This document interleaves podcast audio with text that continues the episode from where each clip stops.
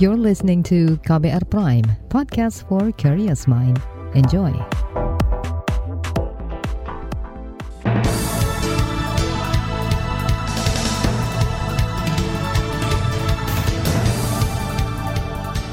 Selamat pagi saudara, senang sekali kami bisa menjumpai Anda kembali melalui program Buletin Pagi edisi Kamis 3 Februari 2022. Bersama saya Naomi Liandra. Sejumlah informasi pilihan telah kami siapkan di antaranya kasus Omikron terus meningkat, pemerintah belum juga lakukan pengetatan. Banyak disalahgunakan undang-undang narkotika akan direvisi. Akibat PTM, kasus COVID-19 pada anak meningkat di dua wilayah di Jawa Tengah. Dan inilah buletin pagi selengkapnya. Terbaru di buletin pagi. Penularan COVID-19 varian Omikron semakin buruk. Satgas Penanganan COVID-19 menyebut terjadi lonjakan kasus mingguan hingga 40 kali lipat di pekan ini. Menurut juru bicara Satgas Penanganan COVID-19 Wiku Adhisa Smito, pekan-pekan sebelumnya kasus mingguan meningkat perlahan dari semula di bawah 1.000 menjadi 3.000, kemudian 5.400 menjadi 14.000. Kini penambahan kasus mingguan secara nasional mencapai 56 ribu kasus. Bukan itu saja, penambahan kasus setiap harinya juga terus tinggi. Pertanggal 1 Februari kemarin, kasus positif harian mencapai 16 ribu kasus. Angka ini lebih tinggi dibandingkan penambahan kasus harian pada gelombang pertama Desember 2 tahun lalu. Lonjakan kasus harian membuat rasio positif Indonesia berada di atas 6 persen atau melampaui batas aman Organisasi Kesehatan Dunia WHO, yaitu 5 persen. Pada awal pekan ini, Menteri Kesehatan Budi Gunadi Sadikin mengatakan puncak kasus Omikron bisa lebih banyak 3 hingga 6 kali lipat dibandingkan varian Delta. Kata dia, akhir Februari ini merupakan puncak kasus Omikron di tanah air. Penularannya ini tinggi sekali dan Indonesia pasti akan mengalami ini. Jadi kalau puncaknya kita dulu pernah 57 ribu per hari, kita mesti siap-siap dan hati-hati dan waspada, tidak perlu kaget kalau melihat di negara-negara lain itu bisa dua kali sampai tiga kali di atas puncak delta. Di mana puncaknya delta di Indonesia 57 ribu kasus per hari. Menkes Budi Gunadi Sadikin mencontohkan puncak kasus Omikron di Amerika Serikat yang sempat mencapai 800 ribu kasus per hari. Padahal ketika puncak varian Delta, kasus tertinggi di Amerika hanya 200 hingga 300 ribu kasus per hari. Alih-alih memperketat, pemerintah malah mengurangi masa karantina dari tujuh menjadi lima hari bagi pelaku perjalanan luar negeri. Kebijakan pemotongan masa karantina itu disampaikan Menko Marinvest yang juga koordinator PPKM Jawa Bali, Luhut Binsar Panjaitan bahwa WNI dan WNA yang masuk ke Indonesia wajib vaksin lengkap. Bagi WNI yang baru melaksanakan vaksinasi dosis pertama, tetap harus menjalani karantina tujuh hari. Kebijakan ini diberlakukan mengingat sebagian besar varian PPLN adalah Omikron dan berbagai riset telah menunjukkan bahwa inkubasi dari varian ini berada di sekitar tiga hari. Langkah menurunkan hari karantina ini juga mempertimbangkan perlunya realokasi sumber daya yang kita miliki. Wisma yang tadinya digunakan untuk karantina PPLN akan disiapkan untuk isolasi terpusat. Itu tadi Menko Marinvest yang juga koordinator PPKM Jawa Bali Luhut Binsar Panjaitan. Bukan hanya soal pemotongan masa karantina saja, pemerintah juga dinilai nekat mengambil resiko dengan kembali membuka pintu masuk internasional melalui Bandara Igusti Ngurah Rai Bali mulai Jumat besok. Ketua Pokja Infeksi Pengurus Pusat Persatuan Dokter Paru Indonesia, Erlina Burhan, juga mendesak pemerintah cepat melakukan pengetatan guna menekan lonjakan kasus COVID-19. Kata dia, dampak Omikron justru lebih kompleks karena orang yang terinfeksi akan punya banyak gejala mudah lelah, mudah capek, lalu diikuti dengan e, nyeri tenggorok dan kemudian batuk. Demikian juga keluhan berupa hidung tersumbat atau pilek dan juga hidung berair. Dan kadang-kadang disertai dengan sakit kepala. Jarang sekali pasien Omikron ini kemudian mengalami gejala berupa sesak sebagaimana e, Delta ya. Dan juga kalau Delta kan sebagian besar dengan demam, maka Omikron ini demamnya paling hanya sekitar 30-40 persen. Ketua Pokja Infeksi Pengurus Pusat Persatuan Dokter Paru Indonesia Erlina Burhan mengatakan pengetatan yang terlambat akan membuat peningkatan kasus semakin tak terkendali dan sistem layanan kesehatan pasti terancam kolaps. Kata anggota Komisi Bidang Kesehatan di DPR Rahmat Handoyo mengatakan peningkatan level PPKM harus segera dilakukan mengingat peningkatan kasus sudah semakin mengkhawatirkan. Bahwa saya mendukung e, rencana dan memang kita dorong pemerintah untuk meningkatkan kewaspadaan melalui meningkatkan level gitu loh. Kalau memang ternyata dirasa memang harus mengharuskan untuk diri mendadak, saat itu juga harus mendadak. Harus disesuaikan, harus berubah untuk ketentuannya. Karena memang kita harus bersama-sama. Ingat, kegiatan ataupun bencana tidak hanya di Indonesia, seluruh dunia. Jadi kita harus bersama-sama harus memahami memahami Anggota Komisi Bidang Kesehatan di DPR Rahmat Handoyo menegaskan sudah saatnya menginjak rem lagi menaikkan level PPKM dan melakukan pengetatan di sektor esensial maupun non-esensial. Sementara itu kasus baru positif COVID-19 kemarin bertambah 17.800-an pasien. Penambahan itu lebih tinggi dibandingkan dua hari lalu dengan 16.000 pasien. DKI Jakarta masih menjadi wilayah tertinggi kasus harian COVID-19 dengan 9.100-an pasien. Disusul Jawa Barat dengan kasus harian 3.700-an pasien dan Banten di urutan ketiga dengan 2.400-an pasien. Adapun pasien sembuh kemarin bertambah 5.110 orang dan pasien COVID-19 yang meninggal bertambah 25 orang. Informasi usai jeda, Jokowi resmikan tujuh pelabuhan dan empat kapal motor penumpang untuk dukung wisata Danau Toba. Tetaplah di Buletin Pagi KBR. You're listening to KBR Pride, podcast for curious mind. Enjoy!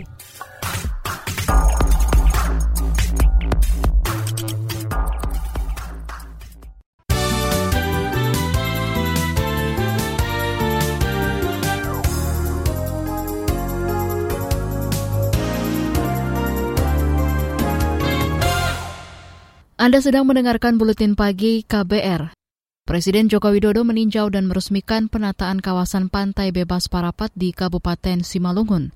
Kunjungan Presiden ke Sumatera Utara kemarin juga bertujuan melihat perkembangan revitalisasi dan perbaikan-perbaikan fasilitas pendukung destinasi wisata kawasan Danau Toba. Jokowi mengatakan ada potensi ekonomi besar melalui pengembangan wisata di kawasan Danau Toba.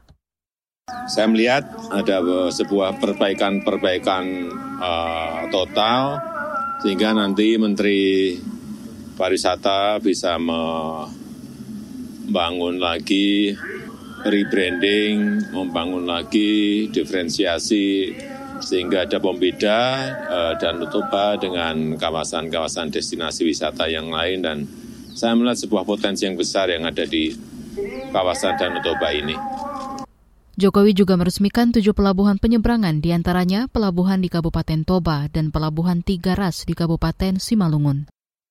Beralih ke berita hukum, pemerintah berjanji akan membahas revisi undang-undang tentang narkotika bersama DPR. Menurut Menteri Hukum dan HAM Yasona Lauli, rencana pembahasan RUU Narkotika sudah disampaikan melalui surat Presiden tertanggal 14 Januari 2022. Kita harapkan dalam waktu dekat sudah bisa kita bahas dengan Komisi 3. Karena menurut hemat kami revisi Undang-Undang Narkotika ini sangat penting untuk kita segerakan. Itu tadi Menkumham Yasona Lauli. Desakan mempercepat revisi Undang-Undang Narkotika sempat disuarakan LSM ICJR. Peneliti ICJR Maidinia Rahmawati mengatakan revisi Undang-Undang Narkotika perlu dipercepat dengan menjamin perlindungan dan pendekatan kesehatan bagi pengguna. Ombudsman Republik Indonesia dan Lembaga Kebijakan Pengadaan Barang dan Jasa Pemerintah LKPP meluncurkan aplikasi pengaduan dugaan penyelewengan dalam proses pengadaan barang dan jasa pemerintah. Anggota Ombudsman YK Hendra Fatika mengatakan penggunaan aplikasi akan memudahkan masyarakat mengadukan permasalahan seputar pengadaan barang dan jasa. Dalam launching kali ini, Ombudsman hanya akan membuka pintu. Tidak hanya satu pintu, tapi banyak pintu. Ada komunitas radio, ini sekedar contoh, yang akan kita jadikan sebagai salah satu pintu untuk mengadukan, dan itu nanti terlinkage kepada Ombudsman. Dan kami terbuka untuk mengajak platform-platform media sosial lainnya untuk sama mencantumkan ataupun memasukkan materi ataupun juga kanal pengaduan Ombudsman di platform media sosial, sehingga nanti lebih banyak pintu yang masuk dan lebih banyak masyarakat yang bisa mengadukan. Anggota Ombudsman YK Hendra Fatika mengajak masyarakat aktif menyampaikan pengaduan jika ada dugaan penyelewengan di proses pengadaan barang dan jasa pemerintah. Tahun lalu Ombudsman menerima 118 pengaduan terkait pengadaan barang dan jasa pemerintah. Dari jumlah itu, 53 pengaduan di antaranya sedang dalam proses pemeriksaan. Beralih ke informasi ekonomi, Badan Pusat Statistik BPS mencatat inflasi bulan Januari 2022 sebesar 0,56 persen secara bulanan. Kemudian inflasi secara tahunan tercatat sebesar 2,18 persen. Berikut pernyataan Kepala BPS Margo Yuwono. Secara mantuman inflasi di bulan Januari ini masih lebih tinggi dibandingkan tahun 2021. Begitu juga secara year on year ya inflasi di bulan Januari ini lebih tinggi dibandingkan inflasi Januari di tahun 2021 ya. Kalau kita lihat seri panjangnya inflasi Januari tahun 2022 ya secara year on year yang sebesar 2,18 persen. Ini merupakan angka tertinggi sejak Mei tahun 2020 ya di mana saat itu terjadi inflasi sebesar 2,19 persen. Kepala BPS Margo Yono menjelaskan ada 85 kota yang mengalami inflasi dari 90 kota yang diamati. Inflasi tertinggi terjadi di Sibolga, Sumatera Utara, dan terendah di Manokwari, Papua Barat.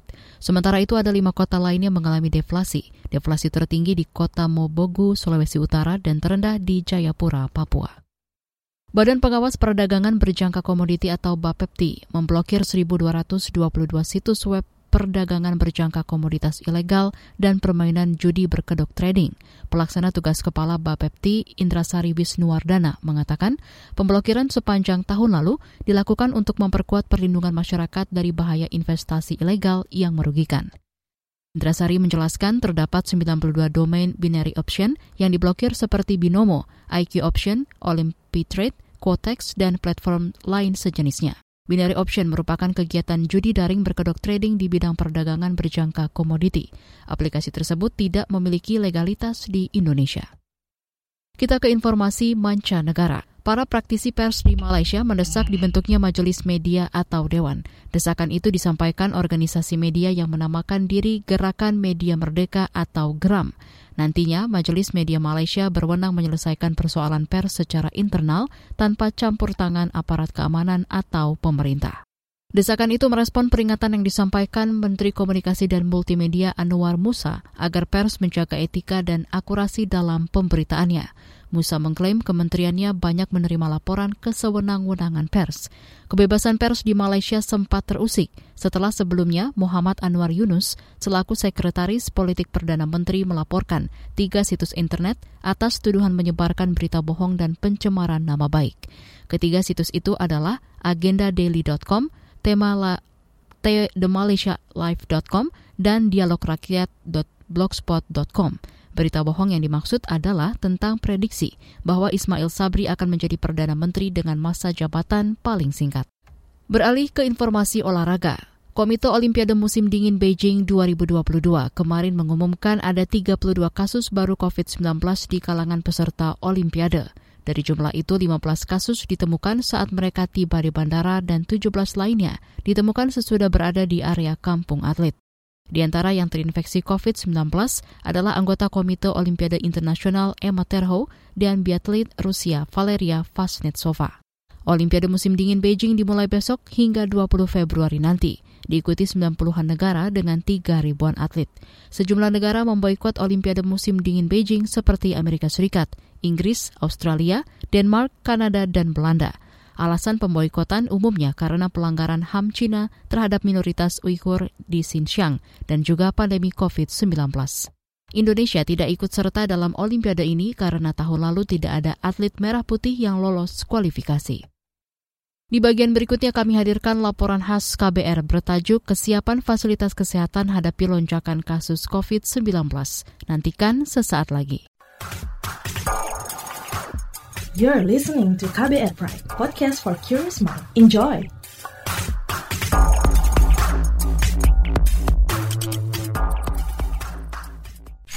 Commercial break. Commercial break.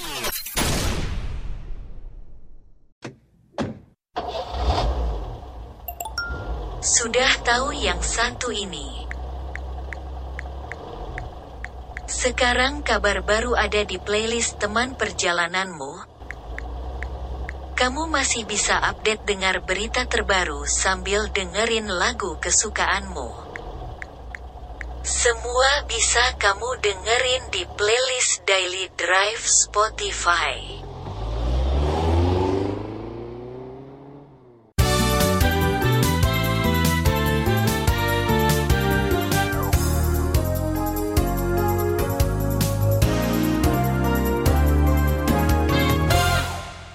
Anda masih bersama kami di Buletin Pagi KBR. Kasus positif varian COVID-19 meningkat signifikan dalam beberapa hari terakhir. Angka ini diperkirakan akan terus bertambah dan mencapai puncaknya pada akhir Februari.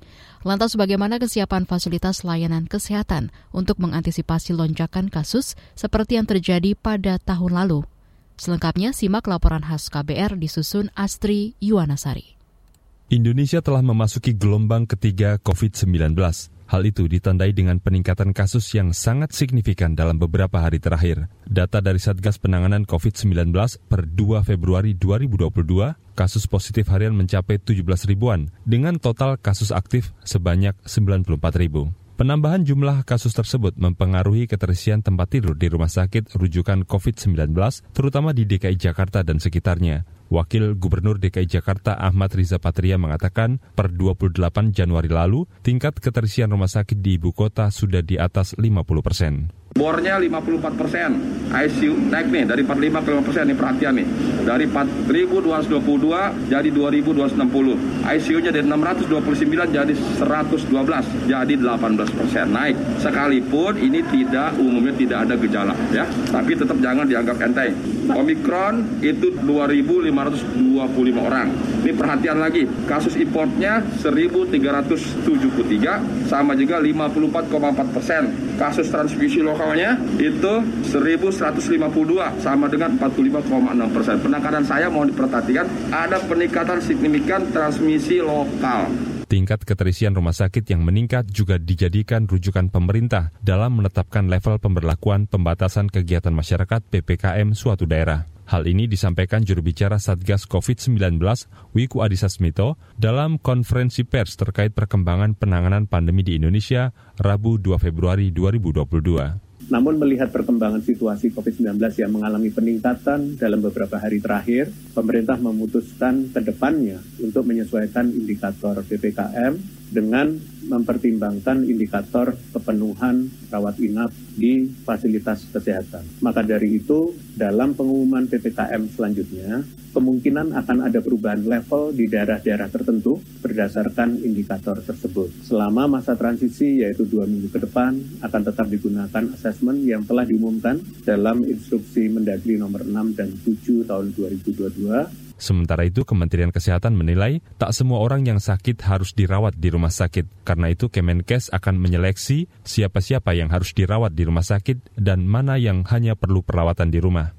Menteri Kesehatan Budi Gunadi Sadikin mengimbau orang tanpa gejala atau dengan gejala ringan bisa melakukan isolasi mandiri di rumah dan memanfaatkan layanan telemedicine yang sudah disiapkan pemerintah. Yang masuk ke rumah sakit itu sebenarnya sebagian besar tidak perlu masuk ke rumah sakit, tidak perlu dirawat di rumah sakit. Yang masuk rumah sakit itu adalah kondisi sedang dan kondisi berat. Definisinya sedang berat apa? Butuh oksigen. Kalau dia tanpa gejala, yang tadi kita lihat dari data yang kita miliki sekitar ya 30 sampai 35 persen itu tanpa gejala atau 40 per 35 40 persen tanpa gejala itu harusnya bisa dirawat di rumah, tidak usah panik, minum vitamin aja, buka jendela, isolasi sendiri. Kecuali kalau memang dia tempatnya padat sekali, ngumpul sama keluarganya nggak bisa dihindari, masukkan ke isolasi terpusat seperti di Wisma. Guru Besar Pulmonologi dan Ilmu Kedokteran Respirasi di Fakultas Kedokteran Universitas Indonesia, Menaldi Rasmin menyarankan sejumlah strategi tata kelola rumah sakit menghadapi gelombang ketiga COVID-19. Salah satunya ialah menentukan rumah sakit yang akan merawat COVID-19 dan yang tidak. Yang pertama idealnya adalah seperti Dr. David bilang. Saya berteriak itu pada bulan April 2020. Tolong pilih dong, mau terima COVID atau tidak COVID. Semuanya sama-sama pahlawan kok. Semuanya sama-sama berjasa bagi kemanusiaan. Jangan lupa, 80% dari pasien COVID yang berat menuju kematian punya satu komorbid. Artinya mesti ada rumah sakit yang tetap menjaga orang punya komorbid memiliki akses untuk tetap sehat. Kontrol hipertensinya, kontrol diabetesnya, cuci darahnya. Kemarin mereka semua pada takut. Hilang. Mereka datang, diabetesnya tidak terkontrol, mengalami infark karena hipertensinya tidak terkontrol, serangan jantungnya makin berat, gagal jantungnya, dan sebagainya dan sebagainya. Ini kerugiannya lebih besar lagi. Nah, ini kerugiannya buat negara bahkan. Menaldi menegaskan, setiap rumah sakit harus punya strategi tepat agar penanganan bisa maksimal serta efisien secara biaya dan sarana kesehatan. Bagi yang harus menerima keduanya, jangan lupa zonasinya gedung ya, jangan lantai. Virus nggak tahu bahwa tempat buat dia cuma di lantai 7 begitu, lantai 5 enggak gitu. Nanti dia nggak keluar, oh nggak bisa. Virus nggak bisa begitu. Dan kalau kita ikuti nih yang butir satu ini, maka akan terjadi efisiensi biaya dan sarana. Akan memudahkan pengaturan-pengaturan. Pengaturan pasti lebih mudah, regulasinya lebih mudah. Menaldi juga menekankan agar rumah sakit bisa mengatur alur pasien secara cermat supaya tidak menjadi epicentrum penularan. Selain itu, rumah sakit juga harus bisa menjadi pusat penanganan kasus, pusat informasi, dan pusat edukasi bagi masyarakat. Demikian laporan khas KBR, saya Sindu Darmawan. Informasi dari berbagai daerah akan hadir usai jeda. Tetaplah bersama Buletin Pagi KBR. You're listening to KBR Pride, podcast for curious mind. Enjoy!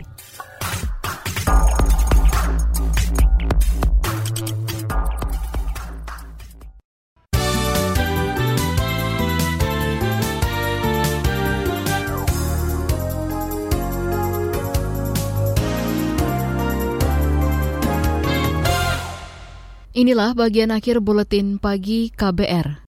Saudara, Ikatan Dokter Anak Indonesia IDAI Jawa Tengah melaporkan terjadi peningkatan kasus COVID-19 di dua daerah selama pembelajaran tatap muka PTM 100% dilaksanakan. Perwakilan IDAI Jawa Tengah, Hoirul Ana mengungkapkan dua wilayah yang meningkat kasus COVID-19 pada anak adalah yakni Kabupaten Jepara dan Kota Purwokerto terutama di sekolah-sekolah. Ini ada beberapa sekolah yang ditutup lagi hmm. karena banyak yang terkena ya di daerah Jepara, hmm. terus di daerah Purwokerto. Hmm. Ya ini jadi patut kewaspadaan kita bersama ya. Hmm. Dan juga untuk gejala tampaknya ya memang masih e, beberapa laporan sih tampaknya ya ringan hmm. dibanding ini. Dan angka kunjungan rumah sakit juga di Jawa Tengah ini belum Perwakilan Ikatan Dokter Anak Indonesia Jawa Tengah Hoirul Ana menyebut gejala anak-anak yang terinfeksi COVID-19 selama PTM umumnya batuk, pilek, dan diare. IDAI Jawa Tengah juga meminta pemerintah daerah aktif memeriksakan sampel dari pasien COVID-19 anak dengan pengurutan keseluruhan genom atau WGS untuk memastikan jenis varian yang menginfeksi. Kita ke Aceh. Kebakaran hutan dan lahan karhutla terjadi lagi di sejumlah wilayah di Aceh. Juru bicara Pusat Pengendalian Operasi BPBD Aceh Besar Muhammad Iqbal menjelaskan, kemarin karhutla terjadi di Kecamatan Lempah, Seula. Api membakar tanaman pinus dan semak belukar di lokasi yang terjal dan sulit dijangkau. Petugas semakin kerja keras memadamkan api yang sudah meluas ke ruas Jalan Nasional Banda Aceh Medan. Apalagi tak jauh dari lokasi kebakaran, ada pula gedung sekolah polisi negara dan markas Brimob Seulawa. Kalau karhutla itu kan memang kan masuk area kawasan hutan lindung tuh. Jadi kebetulan lahannya itu dekat dengan SPN Sare. Nah, terus kan juga nggak jauh dari Makubrimob di situ. Jadi kurang lebih ada sekitar setengah hektar lah yang terbakar. Juru bicara Pusat Pengendalian Operasi BPBD Aceh Besar Muhammad Iqbal menambahkan penyebab karhutla masih terus diselidiki. Beralih ke informasi lainnya, rencana pembangunan fisik ibu kota negara IKN baru di Kalimantan Timur Kepala Satgas Perencanaan Pembangunan Infrastruktur IKN di Kementerian PUPR Imam Santoso Ernawi mengatakan pembangunan fisik sudah harus dimulai pada semester 2 tahun ini. Tujuannya agar selesai sesuai target pada 2024. Kepala Satgas Perencanaan Pembangunan Infrastruktur Ibu Kota Negara di Kementerian PUPR Imam Santoso Ernawi menambahkan ada sejumlah syarat supaya pembangunan fisik bisa dipercepat, mulai dari ketersediaan anggaran, kesiapan lahan, serta skema pengadaan barang dan jasa.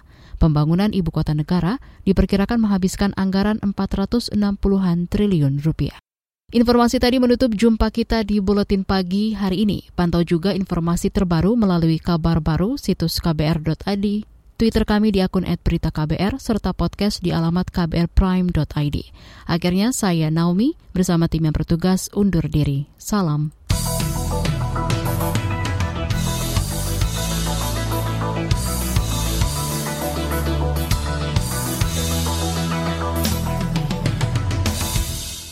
KBR Prime, cara asik mendengar berita.